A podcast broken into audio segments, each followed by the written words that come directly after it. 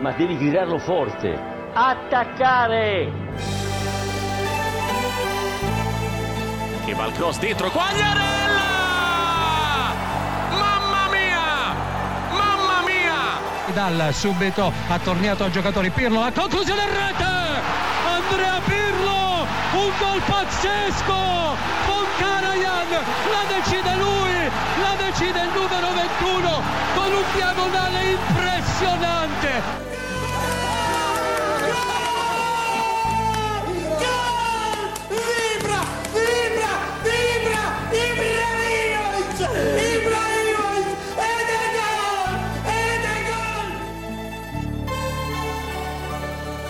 Het is maandag 26 april, de dag voor Koningsdag. Alle reden dat we op maandag opnemen en niet op dinsdag. Heb je je oranje hoed al op, Wes? Ik heb vorige keer, wat was het vorige maand gezegd? Dat ik niet eens in de gracht zou springen als Nederland jij Europees bent geen kampioen echte zou worden. Nederlander. Nee, ik heb, ik heb niet zoveel met, eh, met Koningsdag. Geen drie vingers in de lucht. Nee. Met de W van Willem. Stampot eten. Ja, Nee, ja. ik heb eh, eigenlijk, ik moet eerlijk zeggen dat ik zelfs de laatste vier jaar, denk ik, dat ik überhaupt niet eens in Nederland ben geweest. Ik heb iedere keer ontvlucht ik zeg maar een beetje. ik ook. Ja. Zeker Am- Amsterdam, want het is ook gewoon als je in Amsterdam zelf woont. En ik weet niet hoeveel van onze luisteraars ook echt in Amsterdam zelf wonen, maar je, dat is echt niet te doen meestal. En het zal dit jaar, ja, vorig jaar heb ik het dus niet meegemaakt toen die lockdown er ook wel een beetje was natuurlijk. Eh, Toen was het ook Woningsdag, niet Ja. Koningsdag. Ik ja, vind ik, heb, ja, ik heb geen idee wat het gaat worden, maar normaal gezien vind ik het echt veel te druk. Dus ja, ik moet altijd naar festivals mee en zo dan. En, ik ben gewoon niet zo'n type die dat, eh, die dat doet en ik daar gaat staan stampen. En dan, eh, dan voel ik me toch altijd een beetje verplicht. En dat zijn twee dagen per jaar dat ik dat heb. Koningsdag en ook... eh, Bevrijdingsdag zeker. nee, oud en nieuw. Oh, oud en nieuw, Ja, ja. dat ik dan toch verplicht leuk moet doen. Nee, dat heb ik ook wel een Eh, beetje. en dat is toch ik, ben, ik, ja, ik weet niet, ik, voel het ook gewoon niet zo. Ik heb niet, tenminste, ik voel me wel Nederlander, zeg maar. Maar niet zo erg dat ik dan inderdaad in een oranje pak ergens dronken door de straten ga lopen hossen en naar...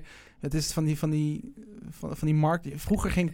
Mijn moeder wilde vroeger altijd graag naar het Vondelpark. Want had je altijd al die kleedjes en dan zo'n Ja. soort antiek beursjes en dat soort dingen allemaal. Van die kinderen die dan allemaal bellen blazen. En, ja, goed. Je bent niet oranje Ik, gezind. ja, ik, ik heb er echt niks mee. hey, maar het is niet voor niets dat we een eh, podcast maken over Italiaans voetbal. Laten we want, snel, eh, snel we praten natuurlijk ook niet over de eredivisie, wel over de Serie A en zelfs soms over de Serie B. Ook over het Italiaanse nationale elftal natuurlijk.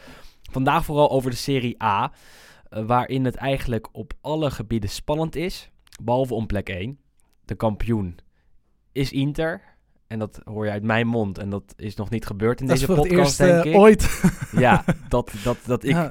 Kijk, met Koningsdag krijg je mij niet hossend en in een Polonaise en weet ik wat. Maar als Inter kampioen wordt komend weekend of het weekend daarna, dan, dan ben ik toch wel blij. Eh, ze hebben nog vijf punten nodig. Tenzij Atalanta en of Milan, nee, en Milan punten verspelen. Eh, dan zijn het er misschien minder. Aankomend weekend tegen Crotone. De week erop tegen Sampdoria op 9 mei. Dus voor alle Interisti mag 9 mei in de agenda. Normaal gesproken is dat de kampioenswedstrijd in het eigen San Siro. Eh, want gisteren was, eh, was het eh, Inter van Antonio Conte met 1-0 te sterk voor Verona. Matteo Darmian is toch wel een beetje de uomo scudetto, hè? Ja, het is, wel, het, is, het is wel bijzonder. En ik denk dat we het daar best wel vaak over hebben gehad. Over hoe Conte het team echt naar zijn hand heeft gezet. Ehm, en we hebben toen natuurlijk vooral gefocust. Ja, veel gefocust op Lukaku dat hij goed was. Lautaro dat hij goed was. En eigenlijk de revival van Eriksen. Eh, maar ik denk ook heel veel spelers die moesten komen van Conte. Die ook uiteindelijk hebben geleverd. Een Hakimi, een, een Darmian. En eigenlijk in iets mindere mate misschien. Maar vooral in de eerste helft van het seizoen ook Ashley Jong. Die echt best wel eh, ja, zijn bijdrage heeft geleverd. Het is toch wel opvallend, want nu eigenlijk de laatste weken van de Inter zijn niet sprankelend meer. Ze hebben natuurlijk een fase gehad. Nee, ze hebben een fase gehad waarin ze echt overtuigend waren. Dat het spel echt goed was en dat er echt ook op, ja, constant werd gescoord voor je gevoel. Eh, alleen nu de laatste week is het inderdaad heel erg ja, kampioenerig, zeg maar. Ik was gisteren was ik bij Ziggo Sport. Ze zonden het uit op een bijkanaal. Iedereen die met die wedstrijd moest werken, dus dan heb je een paar mensen die die, die wedstrijd verplicht moeten kijken, die zijn er niet blij mee dat ze dat moeten doen. Die denken, Nou ja, oh ik. god, krijgen we weer dat Inter. Weer dat Inter dat, dat zo slecht lelijk voetbal speelt. Weer dat Inter dat alleen maar verdedigt. Weer dat Inter dat Catenaccio-achtig spel op de mat legt. En dan ga je kijken en ik zeg tegen ze, nee joh, eh, vandaag niet, eh, 4-0. En eh, nou ja, dan ga je kijken en, en ik kon het niet helemaal zien, moet ik heel eerlijk zeggen. Maar eh, ja, dan zie je het voor je neus gebeuren. De eerste helft eh, heeft Verona vooral de bal voor je gevoel. Eh, wel wat kantjes over en weer. Tweede helft gaat het eigenlijk zo door. En uiteindelijk komt uh, Darmian erin en maakt hij de 1-0. De beslissende en bevrijdende treffer. Ehm, en vanaf dan gaat Inter alleen maar verdedigen. En gaat het spel vrolijk verder op de manier die ze daarvoor ook hebben, hebben gehanteerd. Eh, het ging nog bijna mis. Handanovic maakte een foutje, maar werd aangetikt door Faraoni van Verona. Het was een doelpunt, maar werd afgekeurd. Want eh Faraoni had Handanovic dus aangetikt in de 5 meter. En dat, eh, dat mag niet. Inter won met 1-0.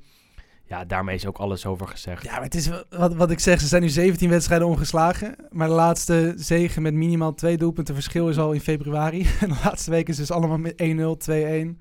Een paar gelijkspelletjes dan de afgelopen weken. Maar De kampioensvorm is er. Het Ja. is, eh, de handtekening van Antonio Conte is duidelijk zichtbaar. En ik moet zeggen, ja, mea culpa. Want na de Champions League uitschakeling was ik hier eh, boos, briesend bijna eh, op, de, op de redactie van FC Afkikken.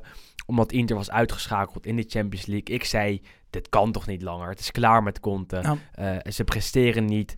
Ze hadden op dat moment eh, maar net gewonnen van Torino, dacht ik. Gelijk gespeeld tegen Parma in eigen huis. Ehm, ja, en het is toch heel erg omgedraaid. Zeker eh, na, de, na de winterstop eh, zijn ze gewoon het beste team van Italië. Over, eh, over de breedte in ieder geval. Over als je, als ja, je kijkt ook naar... gewoon de overtuiging. Denk ik. Ja, je- maar- maar ook je qua Inter- ja. Nee, maar je hebt bij Inter niet meer het gevoel, en dat had je natuurlijk de laatste jaren zeker wel, en zeker in de tweede seizoenshelft, dat je niet zeker wist of Inter een wedstrijd ging winnen. En dat heb je eigenlijk het hele seizoen, of ja, zeker in 2021. Als Inter start aan een wedstrijd, heb je gewoon het gevoel dat Inter die wedstrijd ook gaat winnen. En de manier het waarop niet. is het niet overtuigend altijd. Maar, Maar, ze deden het natuurlijk niet tegen Spezia en tegen Napoli. En dan gaat het toch weer een beetje kriebelen. Was twee keer 1-1. En dan denk je toch, oh, nou, eh, de, de vorm is er niet dan echt. komt de doemdenker in Willem naar Ja, ja, ja, alleen na gisteren kunnen we wel zeggen dat het, het gewoon eh, gebeurd is. Dat, eh, dat het niet anders kan. Ook omdat de concurrentiepunten blijft er spelen. Of de concurrentie die niet meer, niet meer de concurrentie is, maar aan het begin van het seizoen wel was, denk ik. Eh, hebben we het vooral over eh Juve. Want we nemen op maandag op en Milan speelt vanavond nog tegen Lazio. Wat een belangrijke wedstrijd is in de strijd om de top 4. Maar ja, En die- Napoli tegen Torino, ook een belangrijke wedstrijd. maar die kunnen we niet bespreken. Dus Nee. we kijken even naar die andere potjes. En Fior- Fiorentina tegen Juve was er toch wel één. Eh, waar we altijd met veel interesse naar kijken. Eh, twee teams die elkaar, eh, nou, die een hekel aan elkaar hebben. Vooral Fiorentina en Juve. Hebben een keer een aflevering over gemaakt met Renate Verhoofdstad. Een van de leukere die we, die we ooit hebben gedaan, denk ik. Omdat zij fan van La Viola is. En zij goed kon beschrijven wat er dan misgaat in de hoofden van de Fiorentina supporters als Juve op bezoek gaat. Ja, ik weet zelfs ja. dat, dat wij toen in Florence waren. Dat, dat, op dat kleine eh, restaurantje zaten we toen op een terrasje. En ook op dat die tafel was dan ingekerst door Juve Merda. Ja, dat komt allemaal van dat soort zaken. Dat zie je echt door de hele stad zie je dan natuurlijk verschijnen. En, eh, maar goed, ja, vanuit Juve kant is dat ietsjes minder natuurlijk. Dat is meer naar Inter gericht. Het, Maar toch de grotere het, is, het is vooral vanuit Fiorentina zijn dit echt de wedstrijden van het jaar. En die hebben natuurlijk eigenlijk in december was toen de eerste nederlaag die ze Juve toen toedienden. Die 0-3 die eigenlijk uit het niets kwam vallen. Want tot die tijd had je toch wel het gevoel dat Juve weer een beetje aan de beterende hand was. En eigenlijk sindsdien is het eigenlijk bij Juve een beetje inge- ingezakt allemaal. En goed, nu ook, ja, je, je hoopt dan toch dat Juve een beetje revanche wil nemen. En die komen in de eerste helft weer zo slecht voor de dag. En eh, ja, ze mogen echt nog van geluk spreken, denk ik, dat ze in de eerste helft niet met nog een grotere marge eh, de rust in gaan. Eh, want op een Stond 1-0 gegeven moment eerst een afstandsschot van. Eh, daarna, nee, eerst een afstandsschot van Milenkovic, toen een afsta- afstandsschot van Poelgar die dan binnenkant paal in de handen van Chesney viel. Toen uiteindelijk een stomme handsbal van Rabiot 1-0 Panenka van eh Dusan Vlahovic. Wat overigens wel echt een hele met de week interessantere speler begint te worden, denk ik. Even, even bij hem eh, blijven hangen, denk ik. Het Ja. staat dan 1-0. Vlahovic de afgelopen weken fantastisch in vorm. We hebben het 17 vaker over gehad. Eh, Sander Jongman. Zijn naam komt toch vaak terug. Dit seizoen maar één keer aangeschoven. Maar goed, Ja, goed, als je, als je zo'n voorspelling doet. Vriend van de show. Voorspelling gedaan eigenlijk meer over 2020. eh, dat Vlahovic het talent van het jaar was. Eh, dat heeft hij in 2020 niet per se waargemaakt, vind ik. Maar in 2021 des te meer. Ja, De motor is, eh, is op stoom. Ehm, of de machine is op stoom. De motor is gaan draaien. Ehm, Waar zie jij hem volgend jaar? Want dat was ook wel een vraag van, van een paar luisteraars. Ja, we hebben natuurlijk al bij een paar clubs er een beetje naartoe geschreven. Onder andere Milan werd natuurlijk wel in, daarmee in verband gebracht. Maar ik denk eigenlijk dat hij voor heel veel, eigenlijk bijna de hele gehele Italiaanse top, dat hij daar wel terecht zou kunnen. Want hij werd nu ook laatst werd hij voorzichtig gelinkt aan, aan Juve. Omdat hij natuurlijk ook nog een beetje zitten te twijfelen wat ze met Morata gaan doen. Ehm, Als je moet kiezen? tussen Morata en Vlaovic? Het Ligt, ja, het ligt ook een beetje natuurlijk aan de kosten die, die eraan verbonden zijn. Eh, ik, zou, ik zou nu zeggen, ik zou toch dan proberen om Morata te houden. Want je ziet wel dat hij bij Juve wel echt gewoon goed gedijt. Ondanks dat hij te veel grote kansen ook nog mist. Maar Morata kan je nog een jaar voor 10 miljoen euro huren. ja, die som willen ze een beetje naar beneden krijgen. nog. En Vlahovic zou toch 40 miljoen moeten ja, kosten? denk- Misschien wel het meer. Dus dat is natuurlijk wel een overweging die je dan moet maken. Heb je ook niet zomaar liggen. Zeker zonder de Super League niet. Nee, precies. Nou ja, goed, en ik zou me ook niet verbazen als Vlaovic inderdaad naar een andere topclub in Europa zou gaan. Eh, hij heeft volgens mij na Haaland de beste statistieken voor, eh, tenminste onder de jongsters. Dat werd afgelopen Dus, week ook ja, geschreven. Vlaovic naar Dortmund als Haaland weg zou gaan, Ja. lijkt me ook geen hele gekke eh, gedachte. Maar goed, het staat 1-0 voor Fiorentina dan in de rust. Dan komt Morata erin. Hè? Mooi om die, die spitsenvergelijking dan toch door te trekken. Morata heeft een mooie actie in huis. En, eh Ja, geen 10 seconden, denk nee, ik. ja. labelt hem met links in de verre hoek. Ja. Of, of draait hem eerder Ja, hele mooie in de verre hoek. Ja. Maar goed, ja, dat is ook wel een beetje het verhaal. Hij heeft soms, want als je zijn statistieken ziet dit seizoen eigenlijk, is het echt heel erg goed. Alleen als je de wedstrijden ziet van Morata, heb je toch echt heel vaak het gevoel dat hij nog veel, ja, veel te veel kansen laat liggen. Want hij mist ook echt gewoon soms één op één met de doelman. Dat je denkt van, nou, iedere, praktisch iedere andere spits schiet hij wel gewoon binnen.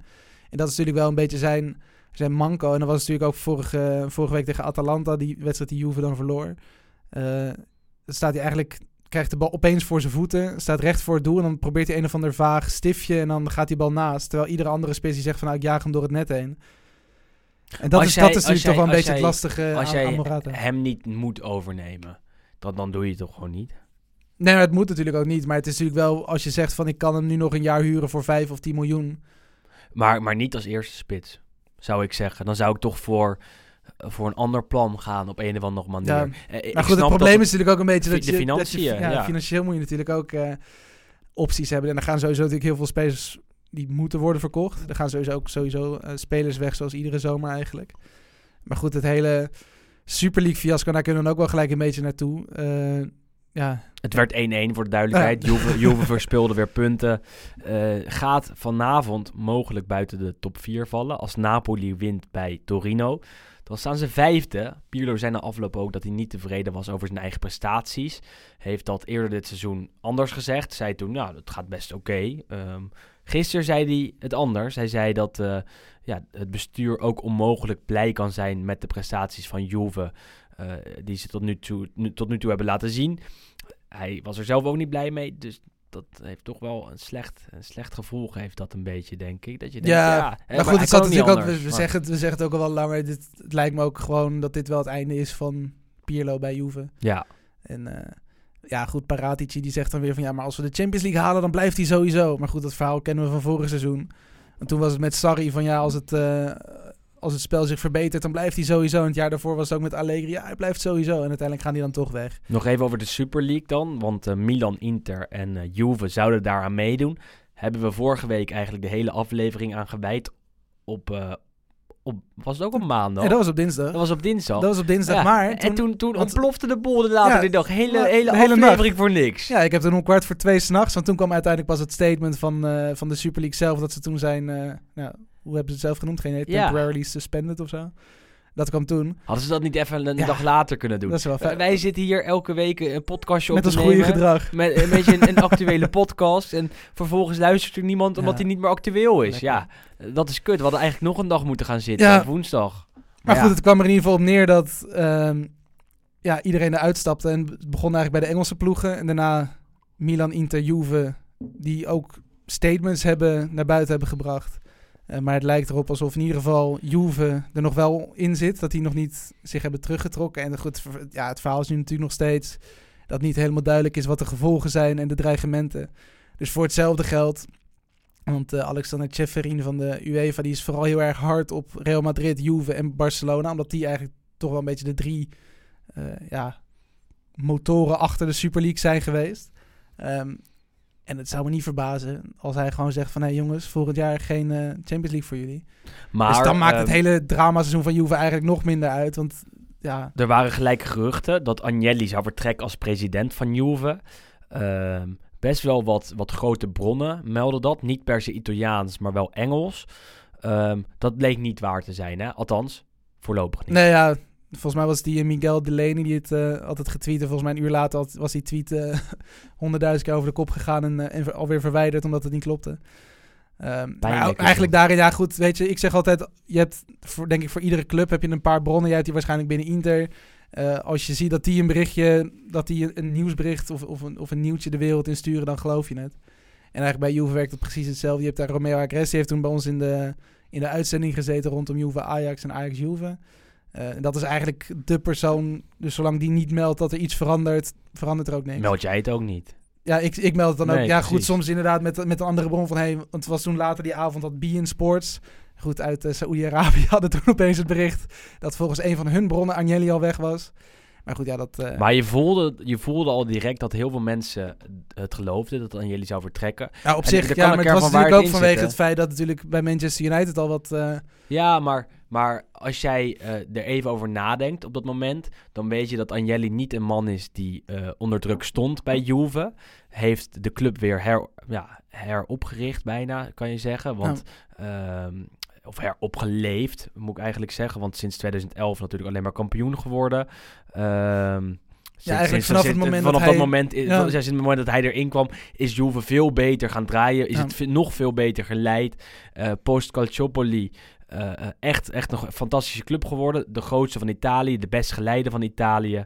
Ehm, en, en echt de potentie weer echt waargemaakt. En als je dan kijkt naar het Super League fiasco, is dat alsnog niet per se een reden waardoor Agnelli nu zou moeten Nee. vertrekken. Of, of niet stantepeden. Nee. Niet op die dinsdag maar zelf. Het kan aan de andere kant, wat goed, ik, ik kreeg ook onder andere een berichtje van onze vaste columnist Juriaan van Westen. En die zei ook heel terecht dat Anje natuurlijk intern wel, tenminste niet het volste vertrouwen meer heeft. Wat hij natuurlijk de afgelopen, of tenminste een jaar of vijf geleden wel heeft gehad.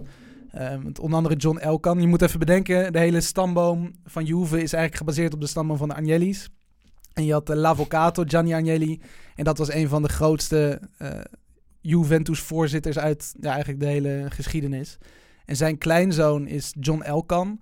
En zijn neefje is dus Andrea Agnelli. Dus Andrea Agnelli is ook niet een directe kleinzoon van de, de grote baas van vroeger. L'avvocato. Ehm, en Andrea Agnelli is nu natuurlijk de voorzitter. Maar John Elkan is eigenlijk iets meer in het normale businessleven gegaan. En die is nu de, de CEO en de voorzitter van Exor. En dat is dan weer het, de groot aandeelhouder van Juventus. Het maakt het zo ingewikkeld met die achternamen. Dat weet Ja. je waar ik dat ook heb in Nederland met de familie Van Dongen. De hele familie Van Dongen zit in de voetbalwereld. Maar de ene kant heet Van Dongen en de andere kant heet Stekelenburg. Dus, dus ze zijn allemaal familie van Het- het is- elkaar. het is maar je weet het niet. is dus niet eigenlijk makkelijk. kan je zeggen de familie Van Dongen is de familie Agnelli van Nederland. Maar Ja. ga door. Ga door. Maar goed, die Exor, dus waar John Elkan, de kleinzoon, dus de groot aandeelhouder is van Juventus. Die hebben 67% ongeveer in, eh, in handen. En dat is eigenlijk een beetje degene die het voor het zeggen heeft, ook binnen de club. Omdat hij natuurlijk de club in handen heeft. En Andrea Agnelli is zijn, dus zijn neefje en die zit daar nu en die heeft het goed gedaan. Maar Elkan is ja, een CEO. Iemand die natuurlijk een, weet hoe je een bedrijf moet leiden vooral. En hij weet ook als de beste dat een bedrijf moet natuurlijk niet verlies leiden. Eh, en een bedrijf moet het financieel allemaal op orde hebben. En dat is natuurlijk de laatste jaren bij Juve dat dat een beetje de verkeerde kant op gaat. Mede ja, doordat nu natuurlijk ook die sportieve resultaten, de sportieve prestaties een beetje tegenvallen. Eh, maar de financiën, want we hebben nu natuurlijk ook alle berichten gezien over de schulden van al die Super League teams. Daar zit Juve natuurlijk ook tussen. Eh, dat En is Inter Milan En Inter ook. Milan ook. Milan de ergste trouwens. En dat eh, inderdaad Agnelli toch Juve in wat lastiger vaarwater financieel heeft gebracht. Dus dat is een van de redenen waarom John Elkan ook wel, wel wat andere opties... eh, Maar ik blijf heeft. erbij. Ze hebben ook verkeerde beslissingen genomen. En dat is onder meer gebeurd omdat ze telkens maar meer wilden. Je wordt wel op dat moment zeven keer kampioen. Alleen met Ronaldo wilden ze de volgende stap zetten naar de Ja. Champions League eh, eh, winst. En ja, en dan gok je. En het is uiteindelijk een verkeerde beslissing geweest om Ronaldo te halen, denk ik. En ook om Agnelli te ontslaan. Of uh, Allegri te ontslaan als trainer. Ehm, Alleen die gokjes moet je ook maken om Ja, aan- nee, aan dat wel. Maar goed, aan de andere kant, Agnelli heeft natuurlijk ook wel een paar andere dingen gehad waar ook niet heel erg lekker Beppe Marotta, grootste fout nog, die nu de grote man bij dat Inter is. dat hij weg is gegaan. En het is natuurlijk ook het feit dat Agnelli eigenlijk nog steeds overal loopt te zeggen dat hij verloren titels eigenlijk vanwege het, eh, het omkoopschandaal toen in 2006. Ja, maar dat dat hij er sentiment... nog bij dat- zit. Maar Nee, goed, dat leeft dat- onder heel veel dat, dat, mensen. sen- dat sentiment Dus dat wordt is- echt door heel veel mensen gedeeld. Ik zou, ik zou Agnelli daar niet nee, op niet, hij is afrekenen. absoluut niet niet de hoofdpersoon. Maar, en hij heeft natuurlijk ook nog onlangs dat, eh, gehad dat hij de kaart verkoopt via wat mafioze Ja. ultra's. Dus er zijn best wel wat Spandoekje, spandoekje over de vliegramp van Torino. Er zijn best wel wat dingen die ook onder zijn, onder zijn hoede toch ook wel verkeerd zijn gegaan. En ook mede door hem verkeerd zijn gegaan. Maar aan de andere kant, het is inderdaad zo'n... Het is wel iets anders, denk ik, om eh, zo'n Woodward, die natuurlijk nu weg is 100%. gegaan bij, eh, bij United. Dat zijn natuurlijk ook mensen die van buiten komen. Terwijl Agnelli, Juve. ondanks dat hij een neefje is, is hij natuurlijk onderdeel eigenlijk van de Juventus-stamboom. Agnelli is Juve. En dat, Ja. dat kan je niet zomaar eh, zomaar Zeker de achternaam, zijn voornaam nog niet helemaal. Nee. Maar, Nee, maar je kan hem niet, niet in één dag, in één dag eh, Nee. eh, de laan uitsturen of, of zelf van hem verwachten dat hij opstapt. Gaan we in de gaten houden. Dat speelt dus bij Juve. Zijn we toch weer een tijdje bij Inter en bij Juve blijven hangen. Ehm, want het is, ja, die twee teams zijn interessant. Die vinden wij natuurlijk interessant, omdat ja, dat de twee grootste teams van Italië zijn met Milan. En wij er allebei een warm gevoel bij hebben. Bij de een wat meer dan bij de ander. Maar het is echt wel spannend in de Serie A. Eh, de top 4 behandelen we vandaag denk ik niet uitgebreid. Want eh, vanavond is dus nog eh, Torino-Napoli. En later op de avond nog Lazio-Milan. Vanaf half zeven en vanaf kwart voor negen. Eh, dus daar gaan we zeker naar kijken. Maar die behandelen we volgende week weer. Wanneer we een, een complete package hebben. Het, het, het, het duidelijke plaatje van het deal. En, en dat hebben we nu niet. Wat wel interessant is, of wat, wat nog interessanter is op dit moment misschien wel, is de stand onderin. Want eh, het, het, het, het is allemaal omgedraaid de afgelopen weken. Als je keek in, in januari, dan dacht je: oké, Crotone gaat degraderen. En Torino en, en Cagliari. Maar Torino en Cagliari zijn allebei boven de streep op dit moment. En Parma en Benevento eronder. Ehm, Ja. en, en dat is eigenlijk de verdiende stand. En, en laten we dan denk ik beginnen bij de revival van de Rosso Blue van Cagliari. Want dat gaat echt eh, hartstikke goed hè, de afgelopen periode. Ja, het is natuurlijk ook wel een beetje in hoort en stoten gegaan. Die hebben natuurlijk heel lang, en veel te lang eigenlijk, met de Sebo Di Francesco natuurlijk in, ja, in de maag gezeten. Ehm, toen hij eruit ging, werd... Zelfs eh, zijn contract nog verlengd. Een Ja, maand voordat ja, hij uit, uit- uit- werd ontslagen. je moet voor de grap denk ik nog een keer die, die afleveringen terugluisteren. Ja. Want daar hebben we ook natuurlijk ook een hoop over gezegd toen de tijd. Eh, maar goed, Leonardo Semplici kwam, heeft het heel goed gedaan met Spal eh, in het verleden. En eigenlijk de eerste paar wedstrijden sinds zijn komst, toen bleef Cagliari ook eventjes ongeslagen. Eh, een paar punten gepakt, belangrijke punten gepakt. Alleen toen zijn ze ook weer even weggezakt. Alleen nu de laatste drie wedstrijden hebben ze alle drie gewonnen. En het enige andere team in Italië wat het beter doet, is eh, Sassuolo. Die hebben er nu vier op rij gewonnen. Dus dat zegt natuurlijk ook wel genoeg. En hoe, hè? Laten we dat ook niet ja, vergeten. het is ook echt leuk voetbal Ja. en vooral heel erg spectaculair. Eh wonnen vorige week met 4-3. Hebben we toen ook eh, even bij stilgestaan. Mede dankzij onze grote vriend Gaston Pereiro wonnen ze toen van Parma. En dit weekend... En ja, tussendoor nog met 0-1 van, van de Udinese natuurlijk. en nu Ook met 3-2 prima knap. van Roma. Ja. Dus dat zijn ook niet de minste tegenstanders. Nou, eh, het, ja. is, het is, nou, ja, Qua naam. zijn de meningen over verdeeld. Eh, Kijk, het is knap om bij Udinese te winnen, vind ik. En ook zeker knap om van Roma te winnen. Maar bij Roma zit men met het hoofd al bij eh, het Europa League treffen met Manchester United van aankomende donderdag. En de donderdag daarop. Ehm, dus dus het lijkt daar alsof ze de focus niet volledig op de Serie A hebben. Dus je gaat die wedstrijd eh, kijken en dan heb je al het gevoel... Cagliari gaat er alles aan doen om deze wedstrijd te winnen. Terwijl bij Roma eh, ja, dat, dat gevoel toch niet echt speelt. Om- Omdat ze zevende staan. Eh, ze kunnen niet echt meer naar plek 6. Kunnen alleen nog maar naar beneden. Eh, dus weet je wat, pijlen vol op eh, de Europa League gericht. Want via die winst kunnen we misschien nog wel eh, Champions League voetbal spelen volgend jaar. Moeten ze wel de Europa League winnen. Cagliari strijdt voor de overleving in de Serie A. En je ziet de afgelopen jaren... En daarvan is Crotone in het seizoen 17, 18 denk ik. Het, het, Ja. of, of in ieder geval toen ze werden geleid door eh, David en Nicola. Eh, het beste voorbeeld, die waren ten dode opgeschreven. Maar opeens gingen ze winnen vanaf negen wedstrijden voor het eind. En toen handhaafden ze zich op het eh, allerlaatste moment door van Lazio te winnen. In de laatste speelronde. Gingen zij nog over, over de concurrentie heen. En konden ze in de Serie A blijven. Dit gevoel krijg ik ook bij Cagliari. Dat speelt tegen een aantal teams die toch al zijn uitgespeeld. Eh, of gewoon te slecht zijn. Allereerst Parma, dat er niks van bakt. Komen we zo nog even over te spreken. Udinese, oké, allemaal heel vrijblijvend. Roma wil niet per se die wedstrijd winnen. En Cagliari heeft toch kunnen laten zien dat het eh, kwaliteit heeft. En met het mes En vooral de tussen tanden. mentaliteit, Ja, denk ik, de- mes tussen de tanden. Zij merken natuurlijk ook wel echt, want Cagliari is echt geen kleine club. Eh, en zeker op Sardinië is ja, ook het, het, het patriotisme wat je normaal gezien natuurlijk in heel Italië hebt, is in Sardinië nog wel wat heftiger, omdat natuurlijk ook een beetje de, het eiland tegen de rest van het land is. Dus zeg maar echt die, die wil om, om voor je land, letterlijk je land, je eiland te, te strijden, is daar, heel erg, eh, is daar heel erg groot. En dat zie je ook wel duidelijk in die wedstrijden, denk ik. Eh, dat je, ja, die wil om te winnen is gewoon bij Cagliari veel heftiger dan bij de andere ploegen. En juichen naar de goals. eh, dat dat Ja, zie je al. Dan denk gewoon je, de passie daarin ze strijden ergens En zelfs bij spelers, want onder andere de, wat was het volgens mij, de 2-1 was van uh, Ras van Marien. Ja, mooie goal. En dat zegt denk ik genoeg dat ook een jongen die daar, ja, hoe lang speelt hij er nu? 7, 8 maanden. Dat hij echt volledig juicht alsof hij praktisch een Champions League heeft gewonnen. Want zo Maar belangrijk is Het is dat. zo knap, want ze hebben de afgelopen drie wedstrijden gewonnen. En daardoor staan ze nu boven de streep. En ze moesten winnen. Hè. Ze moesten eh, die lijn een keer te pakken zien te krijgen. En dat, dat, dat, dat is ze gelukt. Want als je kijkt naar, die, naar de concurrentie... en dan, dan heb ik het vooral over Benevento en over Parma, denk ik... eh, eh, dan, dan, dan lukt het ze gewoon niet. Dan, dan lukt het ze niet meer om structureel punten te pakken. En Spezia kan je, kan je daar ook denk ik bij halen.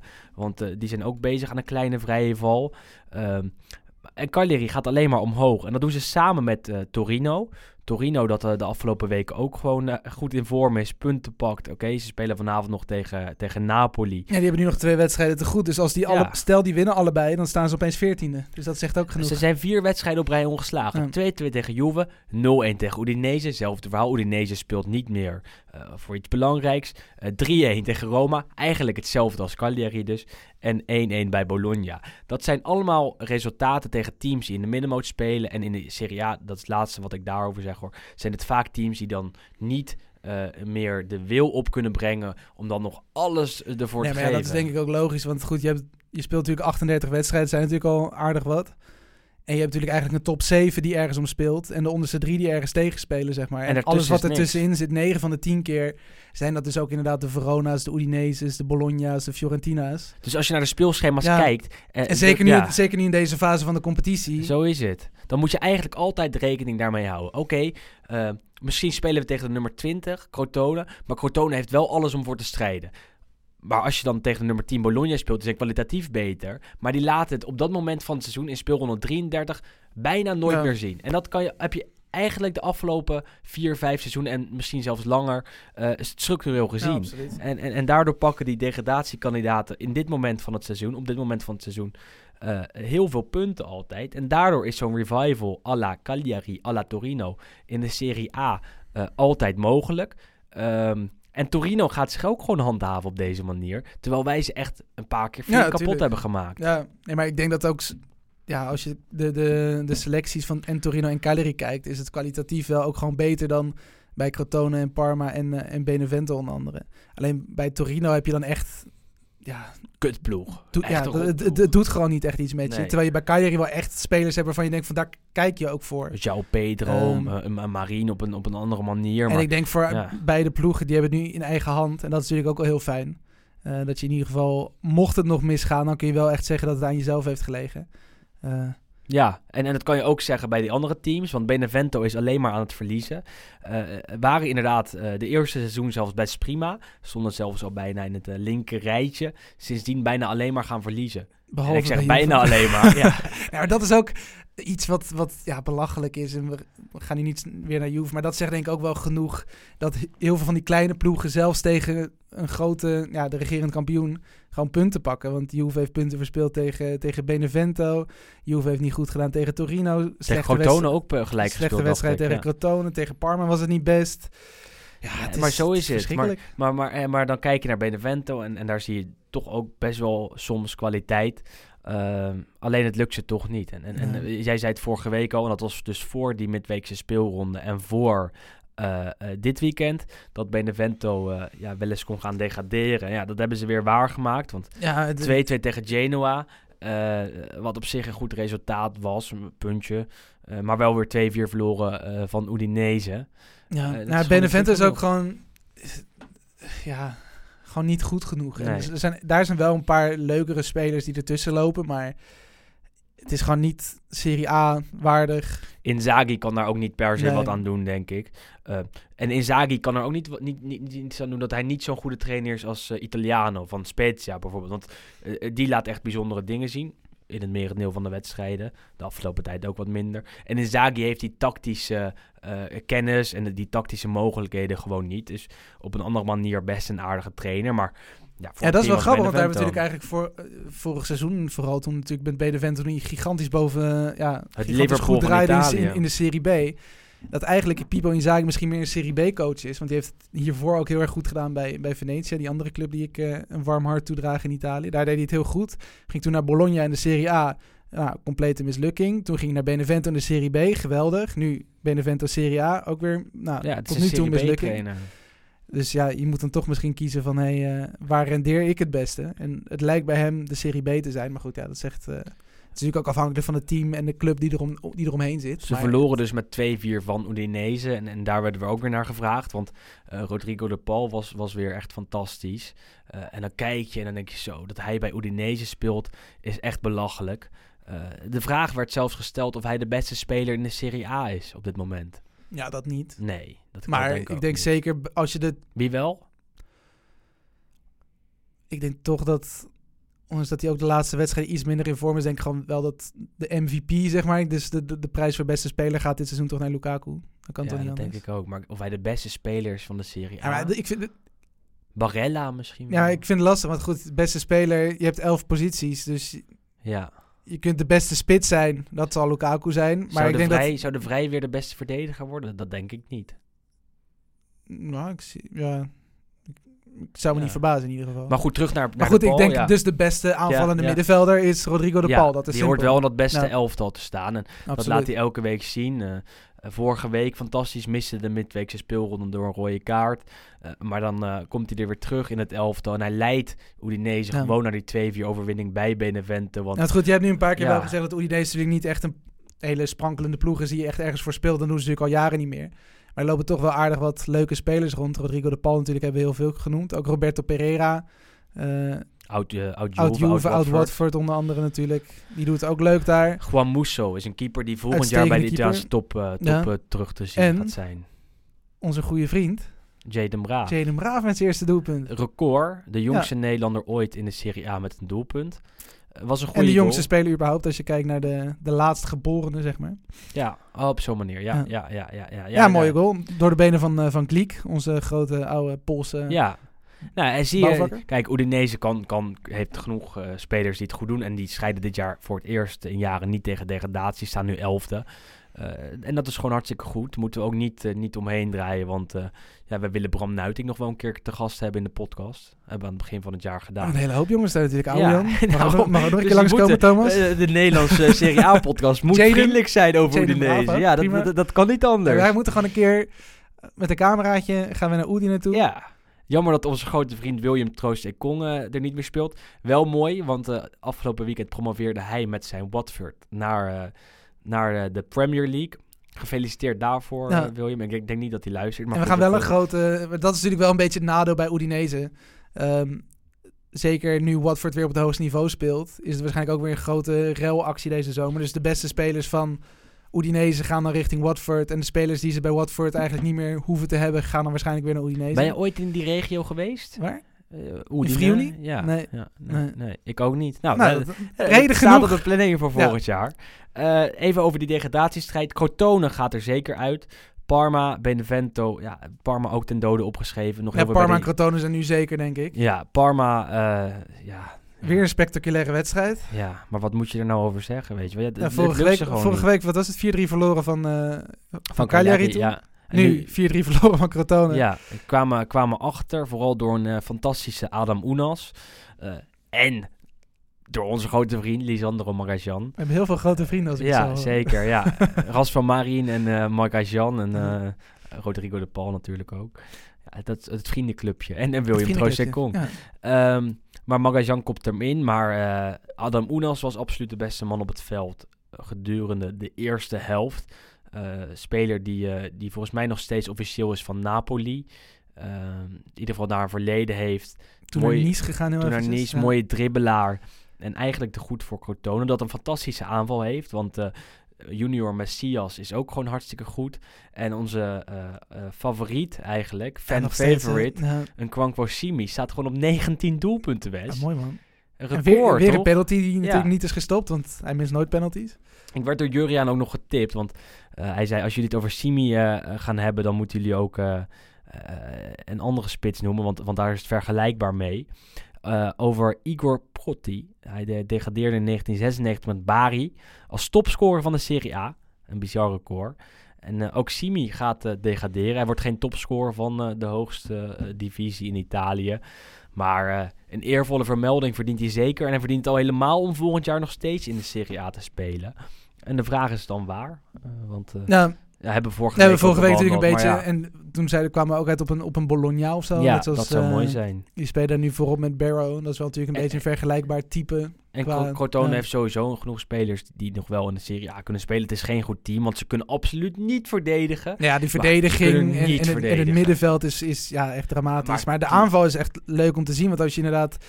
eh, Goed, en dat is natuurlijk ook wel een beetje Italiaans opportunisme. Maar het werd opeens de Ajax van Cruijff genoemd. Ja. Vanwege alle mooie loopacties van onder andere Unas, Messias en, eh, en Simi. Maar inderdaad, wat daarachter staat... Dat maar is die echt, eh, wedstrijd, Wes, het laten is- we eerlijk is echt zijn. verschrikkelijk. Eh, Dan, dan, dan begrijp je ineens waarom iedereen over de Super League praat. Want je kijkt eh, naar, naar die wedstrijd, naar Parma Crotone. En er wordt gewoon niet Ja, verdedigd. maar het is wel leuk. Ja, eh, Het is niet best. hartstikke leuk. Het Het is een hartstikke soort leuk. amateurwedstrijd. Maar het je was een amateur. Het was al Ja. een Serie B-wedstrijd. Ze spelen volgend ja, jaar allebei in de. Serie B. Maar eh, ook als je kijkt naar de verdediging. Want bij, eh, bij Parma stond eh, eh, een Belg eh, centraal. Of twee Belgen stonden in de verdediging zelfs. Bouzy en eh Dierks. Eh, en, en vooral Dierks zag er bij, eh, de, eh, bij een treffer van Crotone niet goed uit. Volgens mij de eerste goal van Simi, die hem voor een leeg doel kon inschrijven. Waar, waar die gewoon niet wordt gedekt. Ja. En, en, en dat, dat gebeurt Parma te vaak, dat het allemaal te vrijblijvend is en gewoon niet goed genoeg. En dan hebben we vaak gezegd dat het zonde zou zijn als ze degraderen. Ja, ze hebben het ook aan zichzelf te wijten. Ja, want, absoluut. want, nu, het is gewoon niet ze, ze kunnen ook nu bijna niet meer ontlopen. Ze staan nu 11 punten onder de streep. Met nog 15 punten te verdelen. Zie Ja, je, zie je Graziano Pelle volgend jaar nog wel in de Serie A, alsjeblieft? Ja, dat, ja maar dat, verdient hij dan nog wel Ja. op, basis, op basis van heel weinig. Maar, Even bij een Ja. promovendus. Bij, ja, maar ik denk bij zeker dat er eigenlijk bij alle... Maakt niet uit welke drie ploegen er gaan degraderen. Maar ik denk dat er sowieso wel een aantal van die jongens... toch gewoon volgend seizoen ook nog in de Serie A spelen. Want ik denk dat...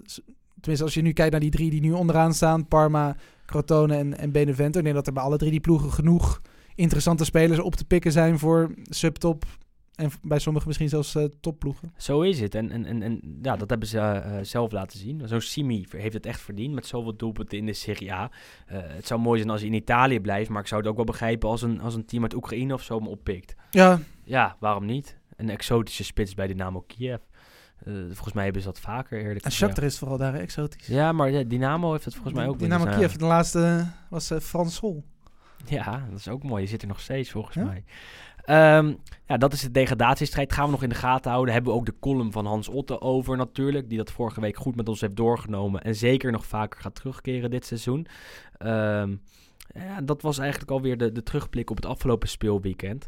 Ehm, laten we naar de column van Juriaan van Wessem gaan. Isaac, eh, lukt het niet om op maandag een column in te spreken. Die heeft een, een drukke werkdag. Mijn fout, slechte communicatie.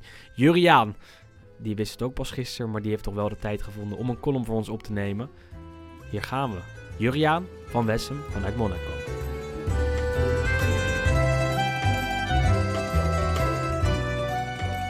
In het komende weekend is Napoli-Cagliari een mooi affiche. En onbewust denk ik dan aan Claudio Ranieri. En ook een beetje aan Daniel Fonseca. Natuurlijk denk ik ook aan Ranieri, omdat het dit weekend vijf jaar geleden is dat hij voor de grootste stunt in de geschiedenis van de Premier League zorgde door met Leicester City kampioen te worden.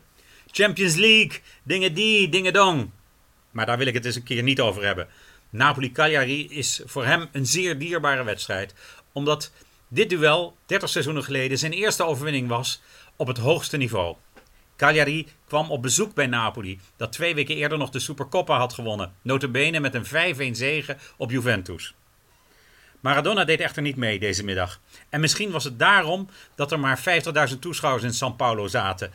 Best opvallend weinig voor die tijd. Cagliari zou een hapklare brok moeten zijn voor de titelverdediger, maar dat werd het dus niet. Na een klein half uur werd Alemao uit het veld gestuurd vanwege natrappen. En daarna nam Cagliari brutaal het initiatief en kwam het uit een snelle counter zelfs op voorsprong. Maar Napoli maakte vlak voor rust gelijk uit een strafschop. Die werd benut door Careca. Halverwege de tweede helft zette Daniel Fonseca met een schot via Corradini Cagliari weer op voorsprong. Het staat in de archieven als een eigen doelpunt. En dat is jammer, want dit duel was het debuut van de spits uit Uruguay in de Serie A. De Italiaanse kampioen verloor de eerste thuiswedstrijd van het seizoen van de promovendus. En dat was natuurlijk een sensatie. Het zou het begin van een leidensweg zijn voor Napoli. Na afloop ging het vooral over de arbitrage, maar dat is ook logisch, want Luciano Moggi werkte nog bij Napoli. Claudio Ranieri stond in de catacombe ontspannen. Waarschijnlijk zijn we niet zo goed als de uitslag nu doet vermoeden, maar we zijn ook weer niet zo slecht als we voor dit seizoen door de kenners zijn afgeschreven. Meende Ranieri na afloop. Hij stond aan het begin van een bijzondere trainersloopbaan. Op dat moment was hij nog eigenlijk een oud speler die met Catanzaro enkele seizoenen had gespeeld in de Serie A. En ook nog als speler van Catania in twee jaar tijd was gepromoveerd en gedegradeerd. Een Romeinse jongen uit Trastevere met de naam Claudio is eigenlijk altijd al bijzonder. En dat gold zeker voor Ranieri. Hij was erin geslaagd om via twee promoties op rij Cagliari terug te brengen op het hoogste niveau. En dat was een enorm feest in 1990. En Cagliari zou zich uiteindelijk met een knap seizoen handhaven op het hoogste niveau. De trainersloopbaan van Ranieri was gelanceerd. Napoli zag hem als de ideale coach voor het post-Maradona-tijdperk. Er was eigenlijk geen geld meer bij de club na het vertrek van het Argentijnse wonderkind, maar Napoli haalde gratis Laurent Blanc op als buitenlandse sterspeler. Maar dat werd geen groot succes. Toch slaagde Ranieri erin om met Napoli op de vierde plaats te eindigen en dat was best wel knap. Het betekende meteen een terugkeer van de club in Europa. Ranieri haalde vervolgens Daniel Fonseca naar Napels en dat werd een sensatie. De spits zou binnen een maand voor een onvergetelijke prestatie zorgen door in de eerste ronde van de UEFA Cup vijf keer te scoren. En dat gebeurde bij Valencia-Napoli. Het werd 1-5. Guus zag in Mestalla water branden als trainer van de thuisploeg. En Ranieri wist dat dit voor hem gewijde grond was. Een ronde later werd Napoli uitgeschakeld door Paris Saint-Germain en vooral door Weah. En vanwege dat resultaat werd Ranieri toch oneervol ontslagen.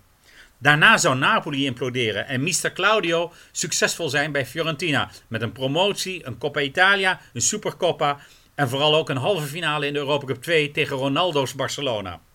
Vervolgens ging Ranieri de grens over naar Valencia, Atletico, Chelsea en nog eens Valencia. En uiteindelijk kwam hij zelfs bij Juventus, Roma en Inter. Een loopbaan van 30 jaar laat zich nu eenmaal niet samenvatten in een paar regels. Maar die eerste zege bij Napoli-Cagliari blijft voor hem net zo speciaal als de landstitel met Leicester City.